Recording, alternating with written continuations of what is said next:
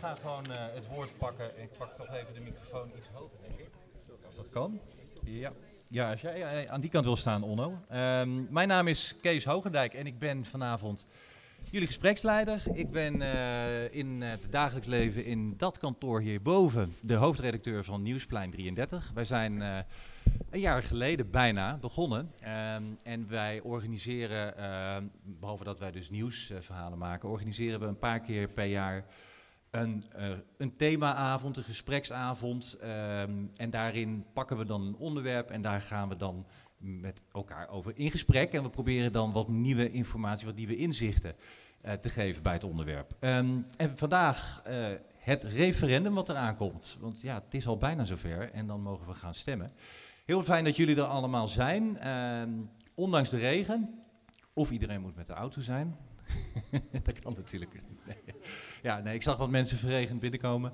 Fijn dat jullie toch uh, de moeite genomen hebben. Um, ik uh, wil even kort vertellen dat deze avond niet alleen door Nieuwsplein 33 wordt georganiseerd. We zitten hier in het Eemhuis. En Nieuwsplein 33 doet dit samen met Bibliotheek Eemland, met de krant, de, stad Amersfoort en RTV Utrecht. Um, en vanavond dus met elkaar in gesprek. De stoelen staan lekker dichtbij en dat heeft als voordeel dat, dat jullie nou, wat makkelijker aan het woord kunnen komen. Dat wil ik ook veelvuldig doen. Want zoals jullie zien staat hier een gastspreker van, naast mij, die ga ik zo introduceren. En die kan ons wat nieuwe inzichten geven en ons hopelijk ook wat inspireren. Um, maar waar gaan we het over hebben? Ja, het nieuwe parkeerbeleid, oftewel het invoeren van vergunning parkeren in de stad. De een ziet het als het pesten van de automobilist, de ander ziet het als een mooie kans om de stad wat meer te vergroenen. Um, Vanavond gaan we in op wat de gemeente hierin hoopt te bereiken uh, en wat de tegenstanders, en beide heb ik al uh, gezien, want sommige mensen ken ik uh, van gezicht en naam, daarmee hopen te bereiken. Dus die mensen zal ik zeker ook even langs gaan. Maar voel je, voel u vrij om een bijdrage te doen, een vraag te stellen en ook wat te vinden. Um, dus de interactie met het publiek is echt belangrijk vanavond. Um, schroom daar dus niet in. We hebben ervoor gekozen om uh, uh, jullie dus te voeden met hopelijk wat nieuwe informatie en inzichten. En daarvoor iemand uit te nodigen uh, die met wat afstand naar de kwestie kan kijken. Um, we hebben wat tegenslag gehad in de voorbereiding qua sprekers. En vandaag nog een afmelding van cabaretier Tum Arts, die hier uh, vanavond zou zijn. Hij zit, uh, ligt ziek op bed. Uh, dit, het is wat het is, maar we gaan desondanks gaan we er een mooie avond van maken.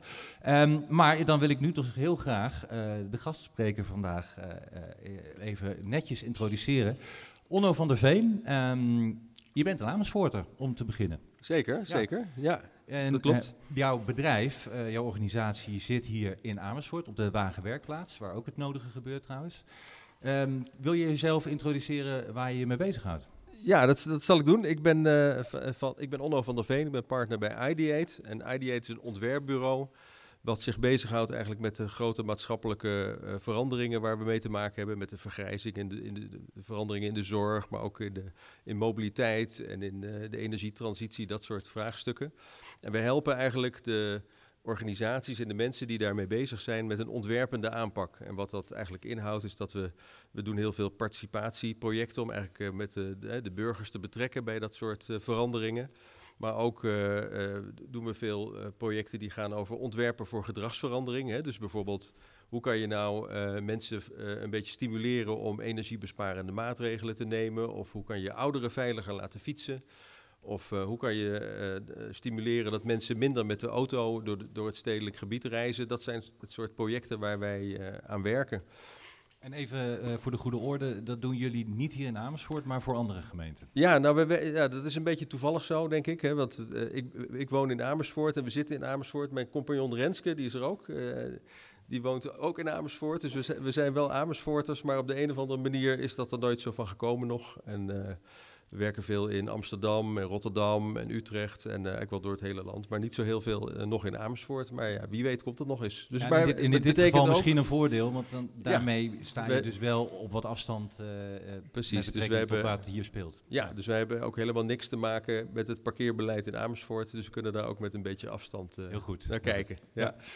ja. Um, ja, Onno, ik, uh, ik ga jou natuurlijk niet allerlei inhoudelijke vragen stellen over dit plan. Uh, maar ik wil wel van je weten uh, ja, hoe gemeenten in algemene zin omgaan met, ja, met plannen die in diezelfde richting gaan. Um, maar eerst even, ja, we, we, hebben het aangekondigd als een, als een onderwerp wat veel emotie losmaakt. dat is zo, merken we. Um, de vraag is eigenlijk, kan je misschien antwoorden geven daarop? Wa wat is dat toch met dat blik op straat, dat dat zoveel losmaakt bij mensen? Ja, nou, wat volgens mij in het algemeen is dat veranderingen, zeker als het uh, om de veranderingen die in je eigen, dichtbij in je eigen leefomgeving plaatsvinden, ja, dan roept dat, roept dat veel emoties op. En je ziet eigenlijk dat mensen eigenlijk heel vaak uh, sowieso moeite hebben met verandering. Hè? Dus, en dat komt ook gewoon, daar kunnen, kunnen we niks aan doen. Dat komt ook door hoe ons brein werkt. Hè? Dus we zijn, ons brein is zich heel erg bewust van de risico's. Hè, van, goh, uh, de, je kan allerlei zorgen hebben bij zo'n plan als dit. Hè, van hoe moet dat dan met dit en hoe moet het dan met dat. En, pas, ja, en dat is veel prominenter in de, in de gedachten van mensen dan ja, het eventuele voordeel wat op langere termijn komt. En dat zorgt eigenlijk altijd voor heel veel weerstand bij dit soort projecten. Dat eigenlijk, ja. Um, om gedrag te veranderen kun je natuurlijk zeggen, nou we gaan iets moeilijker maken of zelfs bestraffen. Net zoals uh, vroeger hoe het thuis ging. Uh, ja, of je kunt het, ja. het goede bedrag, gedrag belonen. Um, ik vroeg me eigenlijk af, uh, in dit geval zou je kunnen zeggen, de gemeente gaat iets wat ze liever niet meer zien, moeilijker maken, bestraffen, duurder maken. Ja. Is dat nou de enige manier? Of zou je kunnen zeggen, we gooien het juist over de andere boeg en we gaan het goede, goede gedrag belonen? Ja, nou dat, dat kan natuurlijk allebei en dat werkt ook wel allebei. Alleen wat, je, eigenlijk wat wij vooral heel erg veel zien, is dat heel vaak, uh, wij heel vaak de opdracht krijgen om mensen tot iets te verleiden. Dus vooral uh, verleidt mensen om hun huis te isoleren of verleidt mensen om minder met de auto te gaan reizen. Want dat is ook voor de overheid veiliger, want dat levert veel minder uh, weerstand op. Maar je ziet ook dat als je echt iets wil veranderen, dat je ook mensen niet alleen het, het gewenste gedrag moet stimuleren, maar ook eigenlijk mensen een beetje moet losweken van hun oude gedrag. Hè? En, en ook eigenlijk het ongewenste gedrag moet ontmoedigen. Hè? Als we, we, als je kijkt bijvoorbeeld naar hoe, hoe, we als maatschappij met roken zijn omgegaan, dat is natuurlijk een hele grote verandering geweest, hè, hoeveel er gerookt wordt. Ja, dat zou toch niet echt gelukt zijn als je, als je niet op een gegeven moment niet meer in de cafés, hè, als er geen rookverbod in de cafés was gekomen en als die pakjes sigaretten niet zo verschrikkelijk duur waren geworden. Hè. Dus het is uh, vaak ook een combinatie van aan de ene kant ja, mensen het, het goede gedrag belonen en mogelijk maken ook vooral. Hè en stimuleren en, en, en, en de motivatie voor het gewenste gedrag uh, aan, aanwakkeren. Maar ook wel, wel degelijk ook echt uh, het ongewenste gedrag een beetje lastiger maken of een beetje uh, hinderlijk maken. Hè. Dus ik vind zelf bijvoorbeeld, ik kom zelf af en toe met de auto in Utrecht. Uh, en dan, elke keer heb ik daar dan weer spijt van. Want ik kom op de een of andere manier altijd bij een stoplicht uit. Uh, waar je dan uh, heel lang voor moet stilstaan. En dan komen, mogen er twee auto's doorheen. En dan sta je weer heel lang stil. En dan elke, denk ik elke keer: oh god, ik heb het weer gedaan. Was, was nou maar met de trein gegaan. Ja, dat werkt wel. Hè? Dus dat, dat ontmoedigen, dat een beetje lastiger maken. Dat, dat heeft wel veel effect op het gedrag van mensen. Ja, uh, tegelijkertijd zit in jouw antwoord natuurlijk uh, nou ja, al bijna een soort waardeoordeel misschien onbedoeld, hè, van goed gedrag of, ja. of verkeerd ja. gedrag. Dat lijkt, lijkt, me goed om daar ook even meteen uh, bij stil te staan. Ik ben op zoek naar de zaalmicrofoon, of eigenlijk vooral op zoek naar Janina nu. Die loopt hier rond met de microfoon. Um, zou jij, ik, ik, ik overval je er misschien mee, Tom, Tom van Lamoen van Amersfoort voor Vrijheid, maar ik weet dat jij bijvoorbeeld als fractievoorzitter jij kijkt daar heel anders naar, naar um, autogebruik. En jij zou, jij zou dat niet meteen associëren met uh, verkeerd gedrag. Nou, ik sta er eigenlijk wel anders in. Ik, hoe wij erin staan is dat wij niet zozeer het gedrag van anderen zo snel willen beoordelen. Wij, wij zien inderdaad wel dat, ja, dat elk gedrag consequenties heeft. Maar dus ja, wij zouden veel liever zien dat mensen verleid worden. En we vinden het vooral een beetje ja, toch, toch betuttelend om mensen te gaan straffen. En wij kijken ook heel anders naar, ja, toch naar central planning, zeg maar, en, en de toekomst en hoe alles werkt. Je ziet dat, dat je natuurlijk uh, ja, gewoon aversie krijgt voor, voor klimaatbeleid als je het op deze manier uh, in gaat stappen. En kijk, ik ben bijvoorbeeld heel erg mee eens dat de openbare ruimte van iedereen is. Maar daardoor zouden mensen ook zelf meer een afweging moeten maken wat voor hun de waarde heeft, het gebruiksgemak of ja, meer goed. Dus eigenlijk uh, zou je kunnen zeggen, uh, je noemt het betuttelend, dat, dat, dat wanneer de overheid gaat bepalen wat wel of niet goed is, of hoe dat anders zou moeten, dat vind jij in algemene zin betuttelend, bedoel je? Ja, zeker. Ja, Wat, wat, ja wat, wat is jouw reactie daarop? Uh, nou, ik, ik, ik, kan me goed voorstellen dat gewenst gedrag en ongewenst gedrag, dat dat, dat ook een, een waardeoordeel lijkt, ja, impliceert. Hè? Uh, en, maar dat zit ook, is ook een beetje met belonen en straffen. Hè? Dus, dus, maar uiteindelijk de manier waarop we onze uh, openbare ruimte hebben ingericht, is altijd een keuze geweest. Hè? Dus hoe het nu is, is ook een, uh, het gevolg van keuzes uit het verleden. En wat we wel zien is dat vaak bij dit soort veranderingen in eerste instantie dat veel weerstand oproept. Hè? Ook om de redenen die ik net bijvoorbeeld noemde. Maar dat mensen ook best wel heel snel aan zo'n nieuwe situatie wennen. En, uh, het, en, en, en, vervolgens uh, ja, oplossingen hebben gevonden voor uh, de, in de nieuwe situatie. En dan daar eigenlijk niet meer zo bij stilstaan. Hè. Dus wat ik wel, heel erg grappig vond, ik was eventjes, want ik dacht ik moet me toch even in dat parkeerbeleid goed verdiepen voor vanavond. Dus ik, ik had ook even het, het, het, het beetje uitgebreidere stuk van de gemeente bekeken. En daar stond zo'n foto op van de Hof uit de jaren zeventig. Helemaal vol met auto's. Gewoon, het was een parkeerplaats in die tijd. En ook in die tijd, toen, toen dat veranderde, toen waren er heel veel winkeliers die zeiden van ja, dat, dat kan niet, want dan, dan, dan komt er niemand meer naar de binnenstad en dan sterft de binnenstad. Dat soort uh, dingen werden er gezegd. En, maar als je nu zou een referendum zou organiseren over zullen we van de Hof al die, die, die, die, al die terrassen weer weghalen en zullen we daar weer een parkeerplaats van maken, nou dan, dan kan ik de uitslag wel voorspellen. Hè? Dan wil niemand dat meer. Hè? Dus het is ook uh, niet zozeer, denk ik, uh, in dit soort situaties altijd dat het over belonen en straffen zou moeten gaan. Maar het is wel zo dat je, ja, dat je als je bepaalde beleidskeuzes uh, hebt en bepaalde ideeën over waar je met de stad heen wilde, ja, dat, dat leeft, heeft natuurlijk wel, zorgt wel voor veranderingen. waar, waar ook altijd mensen tegen zullen zijn. Dat is, dat, dat is denk ik wel een gegeven. Ja, en daar kan Thias Bijlholt als wethouder uh, die uh, het parkeerbeleid uh, in zijn portefeuille heeft, denk ik wel over meepraten. Want weerstand is er zeker geweest de afgelopen tijd al. En dat zal niet snel ebben, vermoed ik zomaar. Um, ja, als dit zo beluistert, als u dit zo beluistert, meneer Bijlholt, um, um, wat vindt u van dat argument bijvoorbeeld over de betutteling die de overheid je mag zo, ik, ik, kom zo bij u. Ik, ik, ga, ik ga zo meteen even een spontaan rondje langs het publiek. Maar ik wil eerst even de wethouder laten reageren. Um, nou ja, wat betreft betutteling, wij, wij, zien het niet meteen als betutteling. Um, ik denk ook, hè, dat, hoe het beleid nu is, dat is ook een keuze. Het is niet dat dat een gegeven is zoals in de nulsituatie. Daar hebben we destijds voor gekozen als gemeente, dat we veel ruimte vrijmaken. Dat we, hè, wat ook in het parkeerbeleid zit, is een lagere parkeernorm in de nieuwe ontwikkelde gebieden, de kop van Instelt, waar we duizenden woningen gaan toevoegen. Um, als we dat niet gaan doen, hè, dan moeten we de binnenstad aan parkeerruimte gaan toevoegen aan de kop van Instelt, omdat ja, de huidige normen zo zijn dat we zoveel parkeerplekken uh, bij woningen neerzetten. Dus dat willen we gewoon anders. En uh, waarom het niet echt betutteling wat ons betreft is, is vooral dat het verschillende problemen oplost. Eén is de realisatie ook van woningbouw. Hè. We zien gewoon dat het ruimte kost. Um, we zien een klimaatprobleem en we zien ook in Vathorst gewoon echt hittestress. Dat is een groot probleem op dit moment. Dat zien we in de hele stad. Um, de bron is een van de meest warme plekken van Amersfoort in Vathorst. Um, dus we zien het ook als een kans om daar uh, ruimte aan te geven.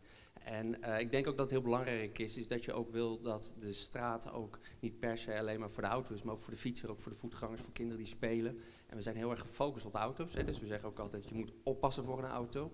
Uh, kinderen leren we dat auto's gevaarlijk eigenlijk zijn, toch rijden ze over hier door de stad. Um, en zouden veel meer willen zien dat we die ruimte ook op een andere manier inrichten. Um, en zien wij dus verschillende oorzaken en denken we door dit middel verschillende oplossingen te kunnen bieden. Dus wij zien het niet zozeer als betutteling, maar juist ook als een kans, ook voor de jonge generatie, uh, die nu geen stem heeft, om ook hun de ruimte te geven. Nou, heel wat uh, aanknopingspunten denk ik om uh, misschien op te willen reageren. En dat was dus ook mijn oproep nu. ik ga niet alleen maar de bekende gezichten langs, maar voel u vrij, voel je vrij om, om ook wat te zeggen.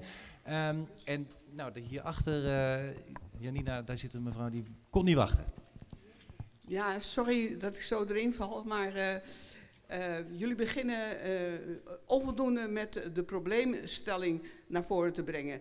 Ik ben iemand die denkt te mogen horen wat het probleem precies is. Kunt u nog iets specifieker zijn in wat u zou willen horen? Want eh, dan kunnen Er we is daar... iets natuurlijk- voor en er is tegen. Ja. Het algemene conclusie moet zijn dat er minder auto's in Amersfoort komen. Maar hoe dat allemaal gaat, dat weet niemand. Ik heb gisteren een, een, een vraag gesteld aan een stel hoogopgeleide Amersfoort. Wat vinden jullie? Ze wisten niks. Ik zeg, lees jullie de krant niet? Nee. Klaar. Dus eigenlijk eh, wat u concreet zou willen weten is hoe er minder auto's in de stad... eh, de probleemstelling, maar de, eh, de probleemstelling die de gemeente voorlegt in het referendum, bedoelt u dat? Ik probeer het nog even wat helder te krijgen waar u precies antwoord op wil. Überhaupt wat de vraagstelling is. Nou ja, de vraagstelling is natuurlijk, en dat, dat is natuurlijk, eh, u wil daarop reageren? Nou, gaat u gang. Precies, even goed formuleren. Gaat het over het parkeren alleen over de binnenstad? Gaat het over de hele stad met alle wijken? Ik wil graag even horen, waar praten we precies over? Exact. Nou, het parkeerbeleid, want eh, zo, ziet, zo ziet u maar, meneer de... eh, ja, ja eh, zo ziet u maar, wethouder. Misschien eh, kunt u dat nog even eh, toelichten. Ehm, gaat het om de binnenstad, gaat het om de hele stad? Is alles even snel aan de beurt?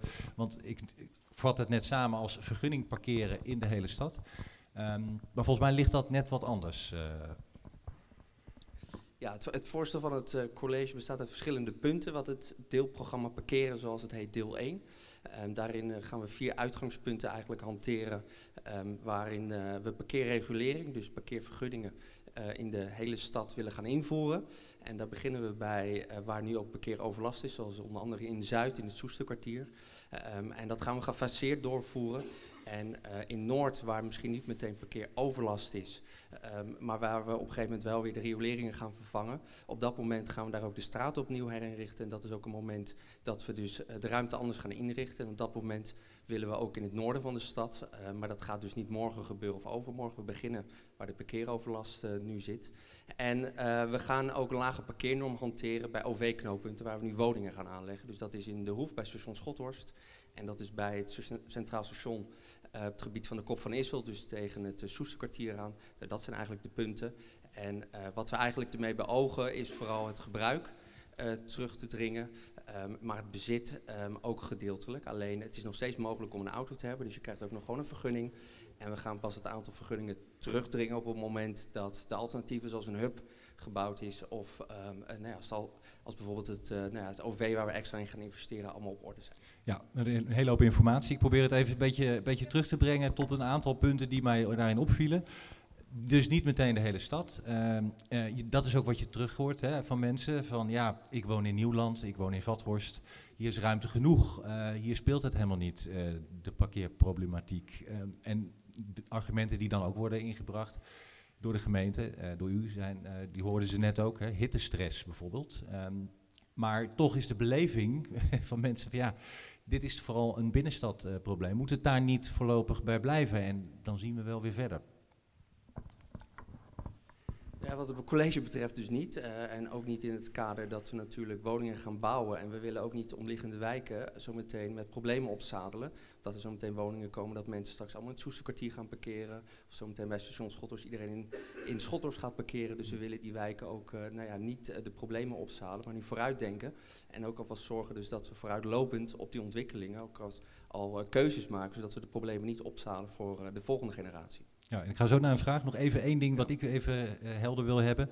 Stel, ik heb, eh, ik heb geen auto, maar eh, stel ik heb twee auto's. Die ene auto die kan dan nog steeds voor de deur staan met een vergunning. En die tweede auto, waar moet die naartoe? Die krijgt in het begin ook gewoon nog een tweede vergunning. Dus dan krijg je ook nog gewoon een vergunning. Die zal wel wat duurder worden dan de eerste vergunning. Ehm, en op termijnen, we gaan wijkhubs realiseren. Dus dat zijn ook gewoon parkeerplekken bijvoorbeeld bij scholen die nu niet worden gebruikt s'avonds. Om daar auto's uit de wijk neer te zetten op termijn. Betekent dat dat je hem dan op afstand zet. Maar de eerste auto zal nog eh, in je nabije omgeving kunnen staan.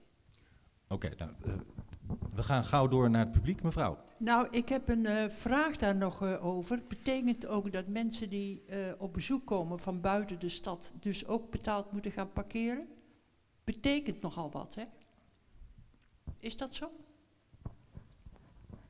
Wat we expliciet hebben gezegd is, eh, het bestaat uit twee delen, het parkeerbeleid. Dus we hebben deel 1 waarin we vier uitgangspunten en we hebben deel 2 waarin we alle wijken eh, het gesprek gaan voeren over de uitgangspunten. En een van die vragen die dus nog niet besloten is en dus ook niet is, maar is bijvoorbeeld eh, hoe gaan we bij winkelcentra om met betaald parkeren, maar ook bij bezoekers. Hè. In Amsterdam heb je zoveel uren die je gewoon gratis kan gebruiken voor je bezoek, zodat... ehm, nou ja, goed, eh, maar dus er zijn allemaal oplossingen, maar dat is nog niet vastgesteld. Dat staat ook nog niet in het voorstel hoe we dat gaan doen. En dat is dus echt het moment ook in deel 2. U mag nog Kijk- kort reageren en dan eh, ga ik weer Kijk. door naar iemand anders in het publiek. Als je naar een ander beleidsterrein kijkt, zorg, dan betekent dat heel veel mensen thuis zorg moeten gaan verlenen, krijgen. Dat betekent dat die ondersteuning nodig hebben. We hebben tegenwoordig allemaal netwerken die breder is dan je eigen straat. Dat betekent dus allemaal extra parkeergeld. Wat je doet is, aan de ene kant wil je, ik snap dat heel goed, meer groen eh, in de stad. Maar je wil ook een sociale stad zijn. En door betaald te parkeren, blokkeer je voor een deel ook de mogelijkheid, of maak je het heel veel mensen moeilijk, om mensen op een of andere manier zorg en aandacht te geven, die ze heel hard nodig hebben. En dan moet er weer iets anders gebeuren. Want mensen hebben gewoon, als je ziet wat je dan aan parkeergeld soms moet betalen als je mantelzorg moet geven, nou, dat zijn kapitalen. Ik begrijp uit het verhaal van de wethouder dat daar dus nog over wordt nagedacht, over hoe dat, eh, hoe dat in te vullen. Ik- ja, want naast uh, Thias Bijrels zit Micheline Paffen, zij is ook wethouder. Ja, ik En- ben wethouder zorg, Ja. dus ook voor de sociale basis. Mhm. En de afspraak die we hebben gemaakt is sowieso dat eh, mantelzorgers en zorgverleners allemaal gewoon een vergunning krijgen. Zonder dat ze hoeven te betalen. Dus dat wordt vol geregeld. De hele sociale basis wordt gewoon geregeld. Want eh, anders is het inderdaad eh, een, een, een andere probleem die we gaan creëren. En dat gaan we niet doen. En dat staat trouwens letterlijk ook in het verhaal van deel 1. Dat staat letterlijk dat we uitzonderingen hebben vanuit eh, mantelzorg. Vanuit ook trouwens de ondernemer die zijn busje naast zijn huis moet parkeren en dit soort dingen. Dat staat allemaal wel al, nu al als uitzondering. Kijk, dat is goed om te weten. Ik wilde even naar eh, die mevrouw daar en die meneer daar. En dan wil ik even terug naar Onno. Want eh, andere gemeenten worstelen natuurlijk eh, op hun manier ook met dit soort vraagstukken. En de praktische invulling. Ik ben heel benieuwd wat je tegenkomt in jouw praktijkervaring. Ehm, ja, gaat u gang. Ehm, ik ga even eerst in op wat meneer Onno zei. Die zei straffen en belonen. Ik heb nu het gevoel dat in de situatie zoals we nu zitten, dat alle eh, mensen die lopend zijn en ouder zijn, gedwarsboomd worden, gestraft worden dat ze lopen, want alle stoepen die zijn onbegaanbaar. En er zijn al jaren wordt daarvoor over gezeurd en gedaan. Er wordt niks gedaan. En dan krijg ik het gevoel als je dat parkeren dan gaat in, eh, aanpakken, zogenaamd, dat dan niet aan de voorwaarden wordt voldaan die daar vooraf aangaat, dat je gewoon eerst moet zorgen dat iedereen bereikbaar overal kan komen. Ik noem maar alleen mijn eigen voorbeeld dat ik voor, voor mijn ogen naar de Bergman kliniek moet met openbaar vervoer en dan kom ik op zo'n smal eh, eh, stoepje langs en dat staat dan vol met met eh, elektriciteitsdingen, geparkeerde fietsers. En dan denk ik, ja, dan kom ik zo meteen terug met die oogjes die helemaal niks meer kunnen zien. Nou, dan krijg ik inderdaad tunnelvisie van. Dan denk ik bij mezelf, nee, dan moet het... Nou lijkt het erop alsof het parkeren meer een geldelijke stroom is voor tekorten... dan voor dat je zegt van, we gaan iets doen voor het klimaat, voor dit en dat en dat... Maar nou ik heb het gevoel dat dat dan verkeerd wordt onderbouwd. Begin bij het begin. Maak eens de hele gang van zaken bereikbaar. Voor kinderen, voor ouders, mensen met eh rollators, want die zijn er steeds meer. Het En punt, is, punt is kinderen. helder. Ik, eh, ik, hoor het, eh, ik hoor het aan. Ik denk dat het een goed punt is. Hè. Hoe, hoe kijk je naar eh, vergroening? Eh, wat zet je daarvoor wel en niet in? En dit argument, eh, dat eh, komt zeker terug. Ehm, u had er zo enthousiast de hele tijd uw vinger omhoog. Die kan ik niet meer negeren. Ja, ik ben eh, Frank Badings. Ik kom uit eh, Zielhorst. En ehm, ik heb al eh, in eerdere eh, sessies eh, ben ik betrokken geweest.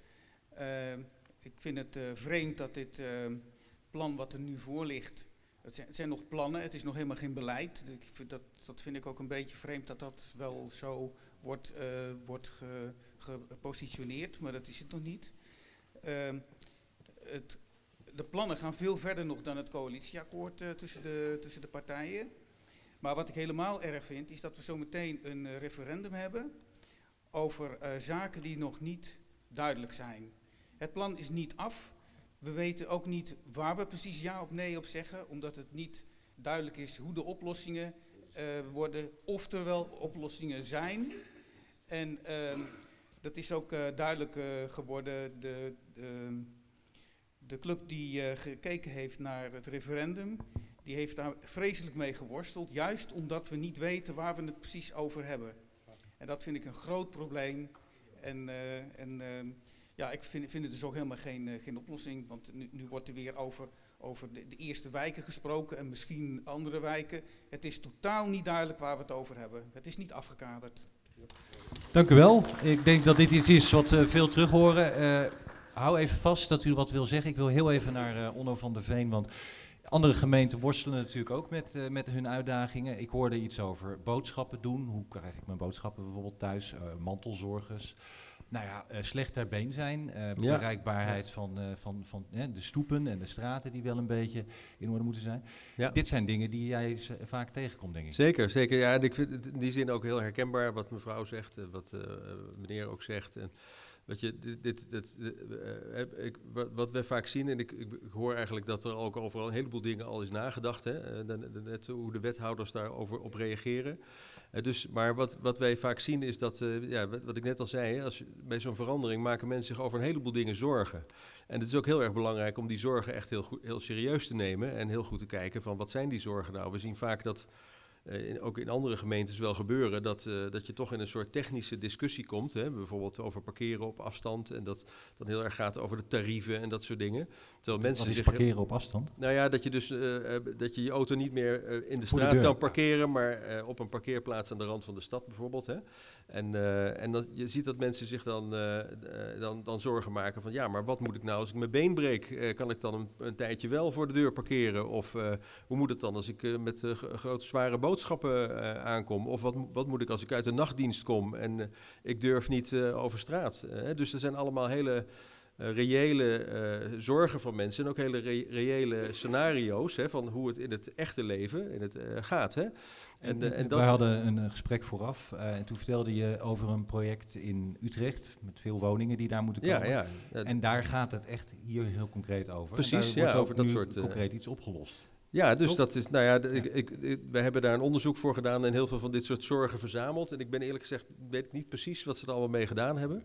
Maar wat, wat, wat wel heel belangrijk is, is dat je dus dit soort, uh, dit soort zorgen ook allemaal verzamelt en daar goede oplossingen voor, voor bedenkt. En ja, ik kan me ook wel voorstellen dat er ook vaak in de samenleving best wel een beetje wantrouwen is over, uh, nou, dus mevrouw zegt van het is eigenlijk alleen, gaat alleen maar om het geld. Of uh, van ja, als je dan de, de voetgangers zo belangrijk vindt, doe dan ook wat aan die, aan die stoepen die niet goed zijn. Hè. En, en, dat zien we bijvoorbeeld ook in een wijkaanpak die we in Rotterdam doen. Hè. Dat, daar, daar, daar, gaat het ook over van wat, ja, wat moet er in al die wijken qua mobiliteit in de, in de, op, op de wat langere termijn veranderen.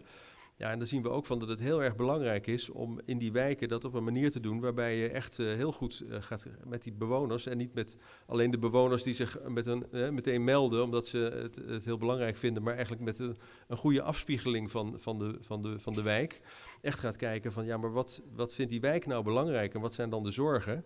En kan je daar ook snel uh, dingen voor doen? En dat, dat geeft, daarmee kan je ook vertrouwen bouwen. Hè? Dus dat je ook eerst uh, zegt van oké, okay, dat, dat we, als we, ons verhaal is dat we dat dat, dat we die andere manieren van, van dus lopen en fietsen eigenlijk wat meer voorrang willen geven ten opzichte van de auto. Ja, laat dat dan ook zien met dus die stoepen aan te pakken bijvoorbeeld. Hè. Dat is een heel...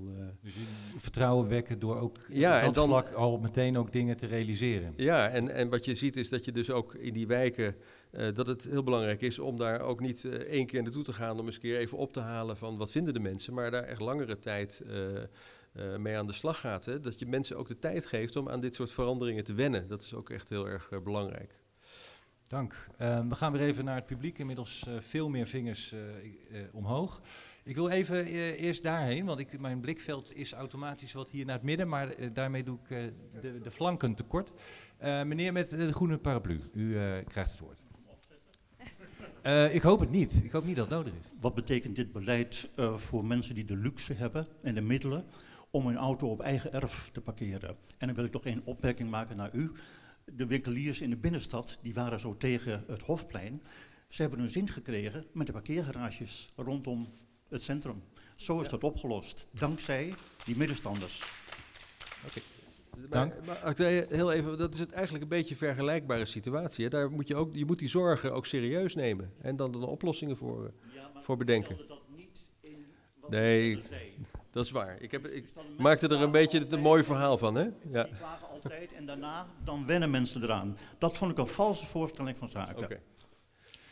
Uh, dank u wel voor uw bijdrage. Uh, daar achterin, ik ga even naar meneer met een rode Adidas trui. Ja, goeiedag. Uh, ik ben de naam even vergeten, maar ik sluit me wel aan bij het verhaal van de beste man uit, uit Zielworst.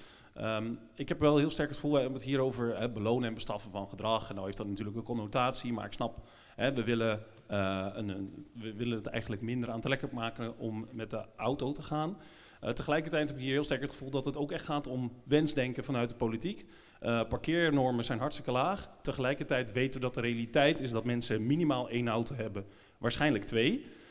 Dus die parkeerdrukte, daar wordt ook gewoon een beetje op aangestuurd in nieuwbouwwijken, heb ik het gevoel. Want er is geen ruimte voor die auto zometeen, maar de realiteit is dat mensen die auto gewoon hebben en gaan gebruiken. Dus wat ik een beetje mis is uh, de alternatieven. Er zijn geen aantrekkelijke alternatieven in veel opties. Dus daarom zou ik zeggen, laten we eerst kijken naar het aantrekkelijker maken van alternatieven. Dan volgt het gedrag volgens mij vanzelf.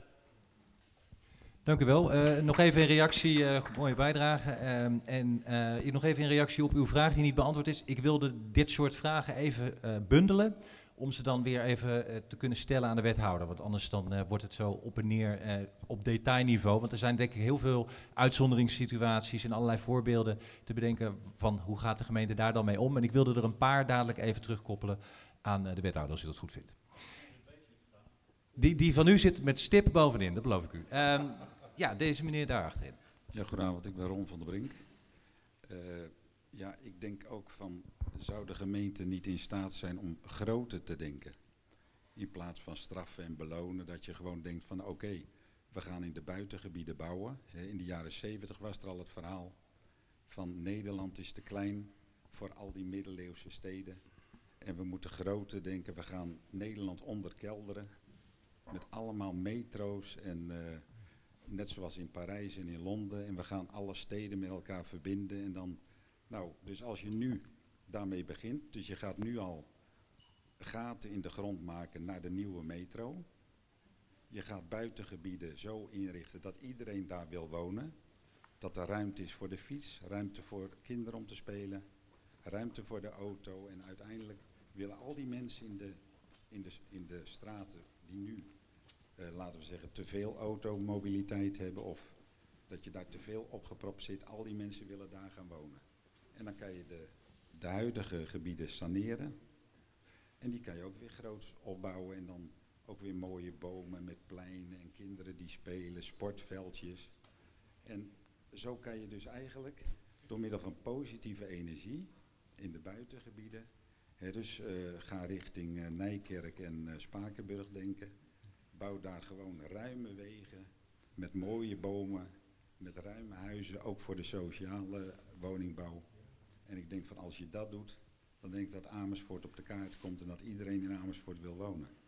Ik vind het een heerlijk uh, toekomstperspectief. Ik uh, dank u wel voor, de, voor dit plaatje. Uh, het werkt wel inspirerend. Um, ik wilde heel even kort terug naar de wethouder. Want een van de dingen die hier voorbij kwam was ehm, dat mensen nou eenmaal een auto hebben. En zeker in bepaalde wijken zoals Nieuwland of Althorst, dat je daar ongetwijfeld ook gaat, gaat wonen omdat het zo fijn wonen is, maar ook omdat je daar zo snel de stad uit bent en omdat je daar de ruimte hebt ook om een auto of twee auto's neer te zetten. Dus um, ja, is daar bij stilgestaan toen, uh, toen hierover nagedacht werd? Want het zou wel eens kunnen betekenen dat die wijken steeds minder aantrekkelijk worden voor mensen om te wonen. Nee, daar, is zeker over nagedacht. En daarom, um, soms wordt het beeld geschetst dat je geen auto meer zou mogen hebben met een nieuw beleid. Iedereen kan nog steeds een auto hebben. Iedereen krijgt ook gewoon een vergunning. En misschien ook gelijk maar even antwoord op, eh, op, op, op de vraag van meneer. Um, er is ook uh, gezegd, ook door het college, dat die eerste vergunning ook heel betaalbaar moet worden tussen de Nou, per jaar 25 en maximaal ongeveer 100 euro. Nou, daar heeft de raad ehm, per jaar. Dus dat zou betekenen, nou ja, ehm, als het 25 euro zou worden, nou ja, per jaar. Ehm, dus we willen ook zorgen dat mensen die hem ook echt nodig hebben, die eerste auto, die hem ook altijd nog kunnen hebben. Eh, maar we willen vooral ook kijken hoe we de tweede, en sommige mensen hebben zelfs meer dan twee auto's, omdat we ook nou ja, dat zien dat ongeveer 25% uh, heel veel mensen dat hebben, om dat terug te dringen. En dat is ook de gedachte. Oh, sorry. Ja. Excuus.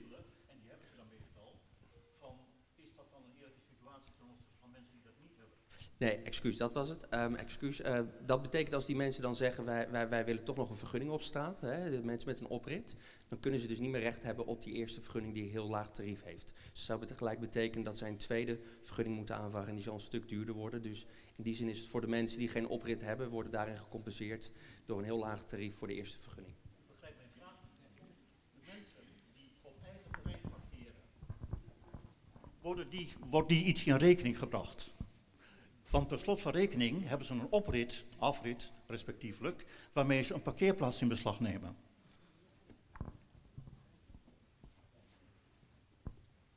Nu, nu, excuus, nu begrijp ik de vraag beter. Daar kunnen wij niks aan doen. Dat is privéterrein van mensen, dus daar kunnen wij niet zeggen um, daar, daar, dat ze daarvoor moeten betalen. Dat is van hun eigendom en daar is iedereen vrij om mee te doen. Ze nemen wel een parkeerplek in beslag. Zeker. Openbare ruimte, daar heeft u zeggenschap over. Nee, dit, wordt een, dit wordt een beetje technisch op een gegeven moment, maar ik snap uw punt. Uh, u heeft het uh, helder gemaakt. Ik denk, uh, ik heb het niet voor het eerst gehoord, dus het is iets wat, wat leeft, kennelijk. Dank u wel voor het, voor het stellen van de vraag. Dan ga ik inderdaad even naar u, want u was daarnet al met uw hand omhoog. Ik ben benieuwd wat u wil vragen of zeggen. Um, twee problemen. Het aantal auto's en de toename van, het, van de groen. Dat is wat Amersfoort wil. Dat betekent dat je zoveel vierkante meters hebt voor auto's zoveel vierkante meters voor groen.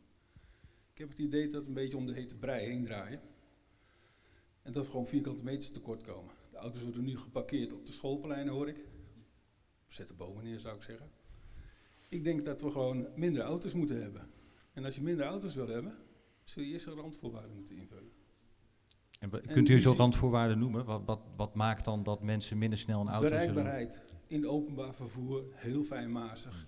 En dan gaat de behoefte, ik zelf ben een vervent autorijder, ik rijd ook graag in de Randstad.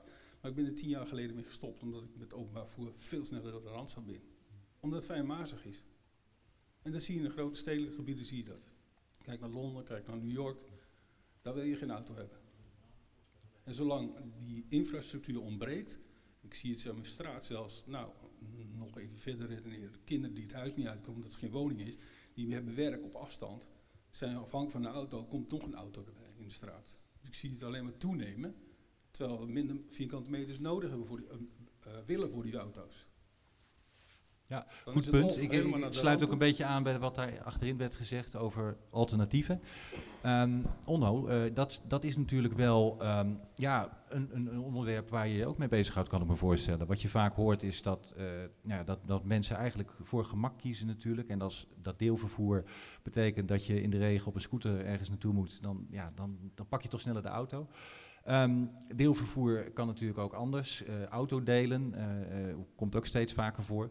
Um, ja, hoe wordt daarnaar gekeken en wat, zijn, wat, wat, wat is het meest aantrekkelijke alternatief?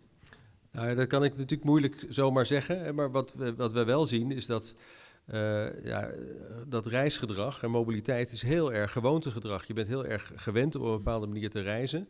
En eigenlijk pas als, je echt, als er echt iets gebeurt waardoor dat niet meer gaat, hè, waardoor je echt, het echt lastig is. Als er bijvoorbeeld een weg wordt afgesloten, waardoor je er uh, heel moeilijk uh, kan rijden, of een brug een tijd lang open, dicht is en je kan er niet door. Dan gaan mensen pas echt nadenken van, oh, dit gaat niet meer, nu, nu moet ik iets anders uh, gaan uitproberen. En wat, daar werkt ook nog een soort fenomeen bij, dat je de, de manier zoals je nu reist, je daar allerlei redenen ook voor in je eigen hoofd hebt om dat zo te doen. Hè. Dus Dus, eh, dus mensen die heel veel met de auto rijden en nooit met de trein, die, die denken over de trein, die heeft altijd vertraging, dat is, eh, dat is onbetrouwbaar, dat is, eh, dat is, daar, is, daar moet je altijd staan en dat soort dingen. Hè? Terwijl mensen die heel veel met de trein reizen, die hebben die ervaring veel minder. Maar die gaan ook allerlei redenen, nee, nou, het is echt waar, die gaan allerlei redenen in hun eigen hoofd bedenken waarom het ook heel erg dom is om in de auto te zitten. Dus je hebt, de, ons, ons brein is een soort rechtvaardigingsmachine voor de keuzes die we maken. En uh, soms moet je ook even wennen aan, een ander, aan zo'n aan zo'n alternatief. En, wat je eigenlijk altijd dan uh, krijgt, is dat je eerst moet je moeite doen. Hè? Als je nooit met de trein reist, dan moet je uitzoeken hoe werkt dat dan. En dan moet je, je op, op, tijd de deur uit, dan moet je aan wennen. Hè? Dus dat, dat gaat misschien in het begin een, keer, een paar keer mis. En dat geeft een hele hoop ergernis. Dus je krijgt eerst altijd een hoop moeite.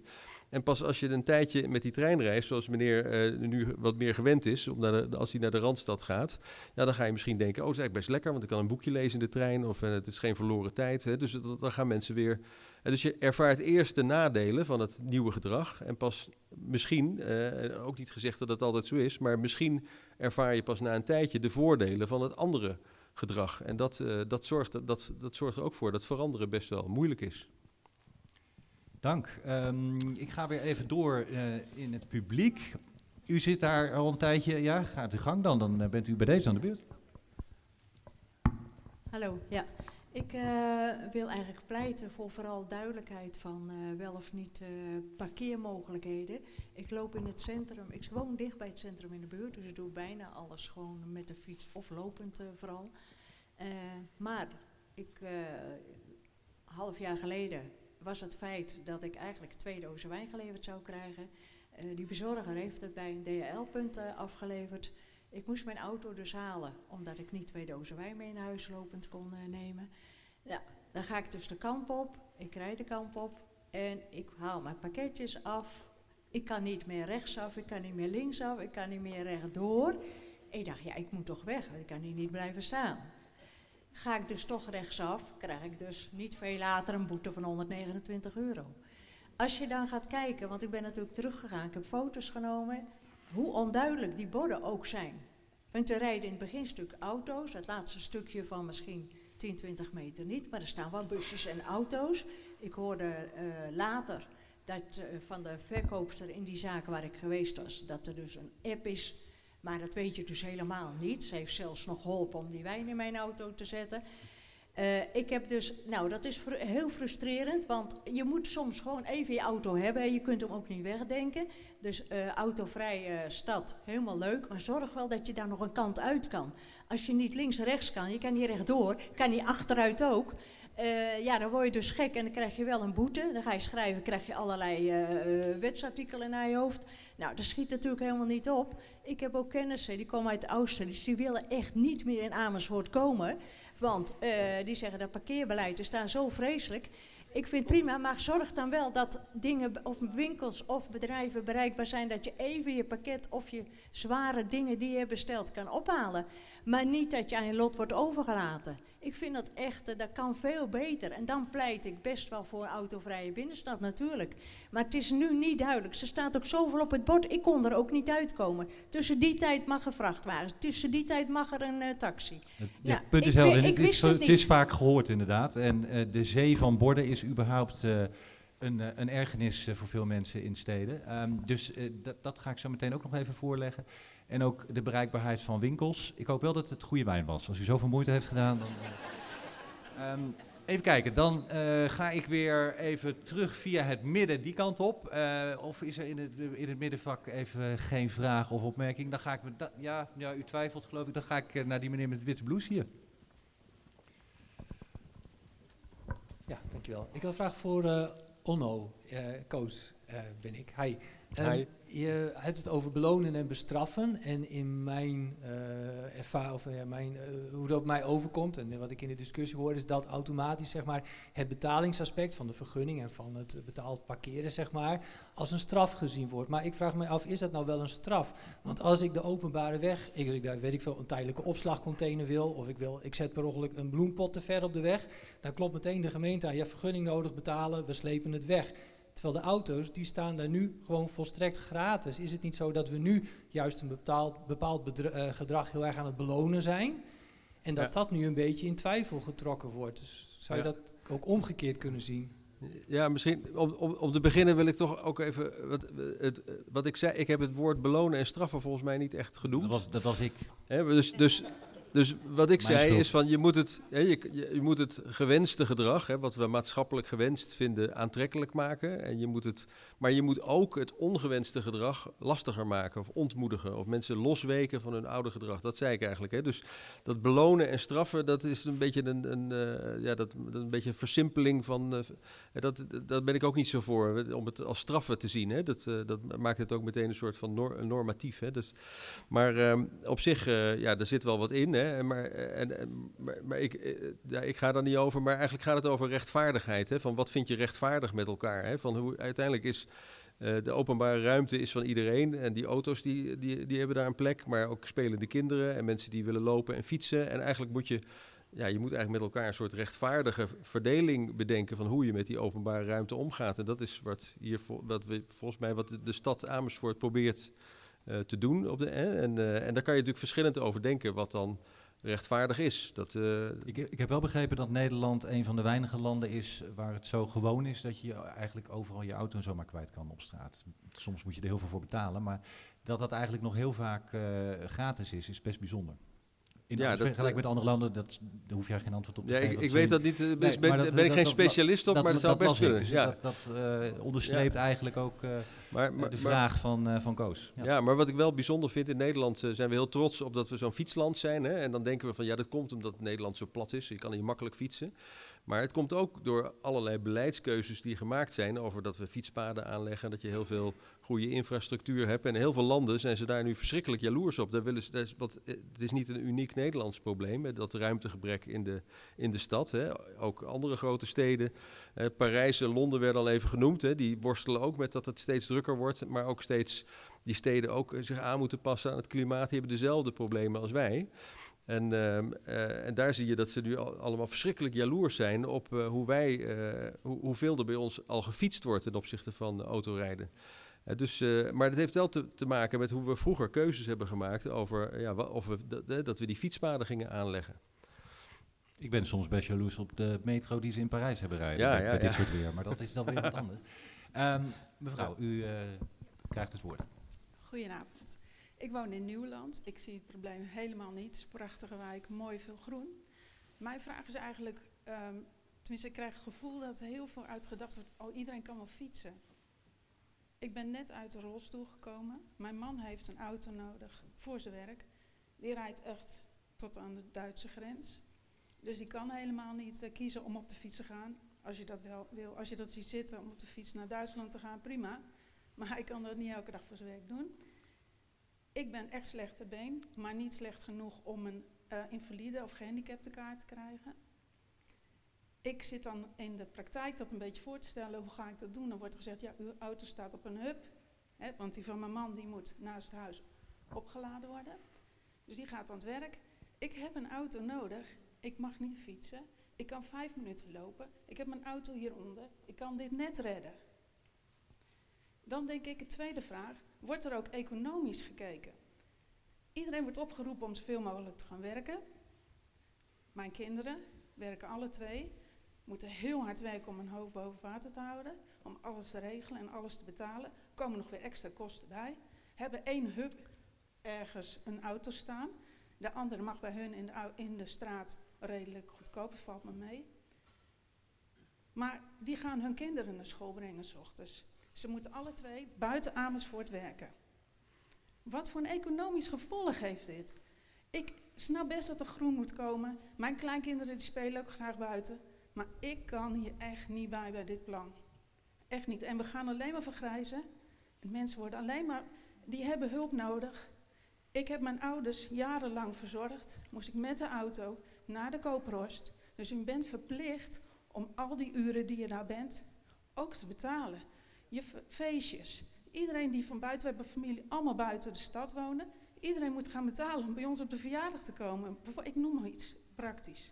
Ik snap er gewoon helemaal niks van. En ik heb echt mijn best gedaan om positief hiernaar te kijken. Dank u wel.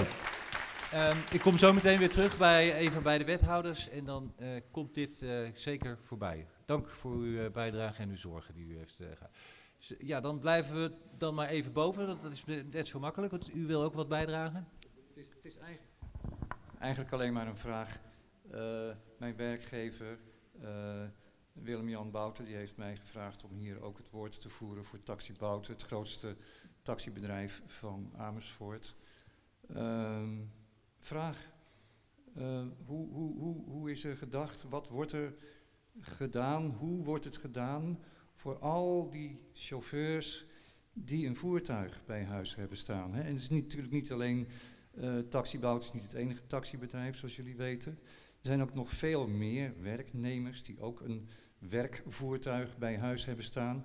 Ik hoorde daar een van de uh, mensen van de gemeenteraad zeggen dat er een, voor ondernemers is er dan wel een uitzondering.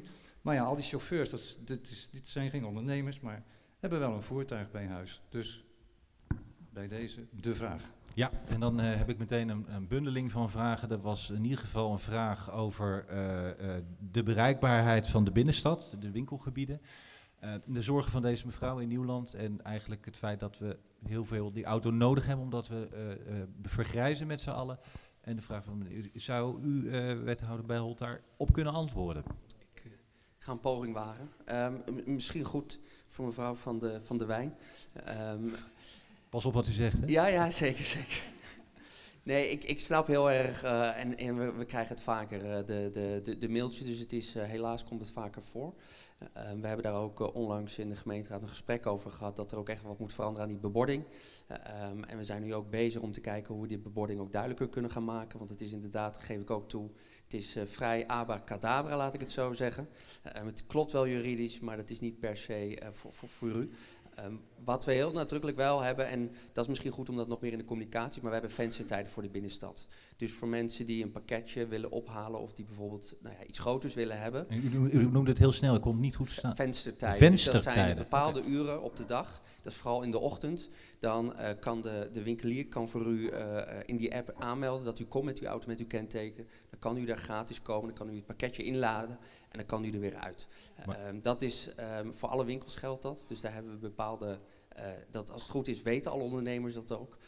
Um, maar misschien deze nog niet, maar dat zullen we dan ook nog eens een keer uh, heel goed te communiceren. Maar dat is het beleid hoe het zit. Maar spontaan een zwaar pakket afhalen, iets kopen, dat kan dus wat minder makkelijk, begrijp ik. Ja, maar dat komt ook natuurlijk omdat er dan heel veel winkel publiek is. Dus dan is het ook niet heel fijn als er ook nog auto's tussendoor rijden. Dus we hebben daar bepaalde tijden voor. Ook net zoals voor het leveren van winkels door uh, leveranciers. Die hebben bepaalde tijden, kunnen ze met de vrachtwagen de binnenstad in. Uh, dan krijgen ze ook geen bekeuring, want die winkels moeten ook aangevuld worden. Hey, hey, sorry. Ja.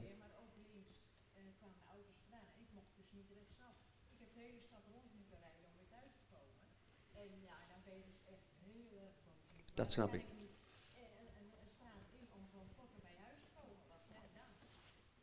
Snap ik.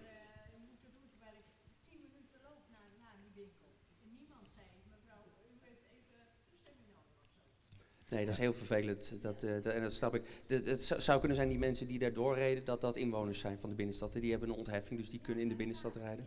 Nee, nee dat, uh, maar. Ik wilde even terug naar uh, uh, het parkeerbeleid, want een zorg bij ondernemers is dat er straks het publiek wegblijft, omdat ze dan een kaartje moeten kopen. en nu nog bijvoorbeeld bij het Euterpenplein, waar ik woon, gratis kunnen parkeren. Um, um, is dat een reële angst of wordt daar ook een invulling aan gegeven, zodat die ondernemers daar ook wat meer zekerheid krijgen? Een van de punten die ook heel nadrukkelijk uh, in deel 2, zoals we dat noemen, ook willen gaan uitwerken. We hebben ook al gesprekken gevoerd met ondernemers. Um, ook, uh, ik zit morgen op de Leusdenweg met een aantal ondernemers om tafel. Um, wat we wel zien, we hebben een evaluatie gedaan over de binnenstad. Het Autoluw, er was in het begin ook heel veel angst. De binnenstad komt niemand zometeen meer, uh, de, de, de, winkels gaan failliet. we hebben een evaluatie gedaan en daaruit kwam dat eigenlijk niemand meer terug wil. Uh, dus dat is ook wel voor ons ook wel een reden geweest dat we dachten van nou ja goed, hè, in het begin was er heel veel kritiek, achteraf zijn mensen er blij mee. Uh, maar het is een van de vraagpunten, dus je zou kunnen denken dat je het eerste uur of een half uur gratis kan parkeren bij winkelcentra. We willen vooral langparkeerders vermijden, dus mensen die daar hun auto zetten en vervolgens dagen bij wijze van spreken of een hele dag en weer neerzetten, dat willen we voorkomen. En dan ga ik even naar de zorg van die mevrouw die zegt, ja, eigenlijk is dit een toekomstperspectief wat interessant is voor mensen die goed ter been zijn, die jong zijn, die misschien al wat duurzamer leven, die bereid zijn op de fiets te klimmen. Maar het, het eerlijke verhaal is dat heel veel mensen dat helemaal niet willen en ook helemaal niet kunnen. Um, dus um, ja, wat is uw reactie daarop? Want wat zij schetst, uh, ja, het lijkt mij iets wat heel veel voorkomt en waar mensen wel in het dagelijks leven mee te maken hebben. Um, ik, ik, weet niet of heel veel mensen allemaal precies in deze situatie Nou, doen, zo hè? concreet als deze, maar er zijn nee, natuurlijk veel mensen die, uh, die, die voor iemand zorgen Zeker. of die uh, lichamelijke problemen hebben waardoor zij. Dat, dat, dat is ook wat, ja. wat, wat, wat Micheline het ook aangeeft voor de mantelzorgers, mensen die zorg nodig hebben. Maar dat is dus ook de reden dat we hebben gezegd iedereen krijgt sowieso een vergunning. En je kan ook nog een tweede vergunning krijgen. Die zal wel wat duurder worden, maar iedereen kan die ook nog krijgen. En dat willen we ook om te voorkomen dat mensen die hem echt nodig hebben, um, geen auto meer kunnen hebben. Maar we hopen ook een gedragsverandering in werking te zetten met dit beleid. Dat mensen, hè, we, jullie hebben een filmpje gemaakt uh, gisteren, waarin ook iemand zei, ja, ik heb twee auto's. Ja, misschien, waarom heb ik hem eigenlijk? Nou ja, we hopen ook dat gedragsverandering Ja, maar in dit, in dit geval is het dus ja. heel, heel erg nodig. Hè? Mevrouw heeft hem niet, wat ik begrijp, in ieder geval... Uh,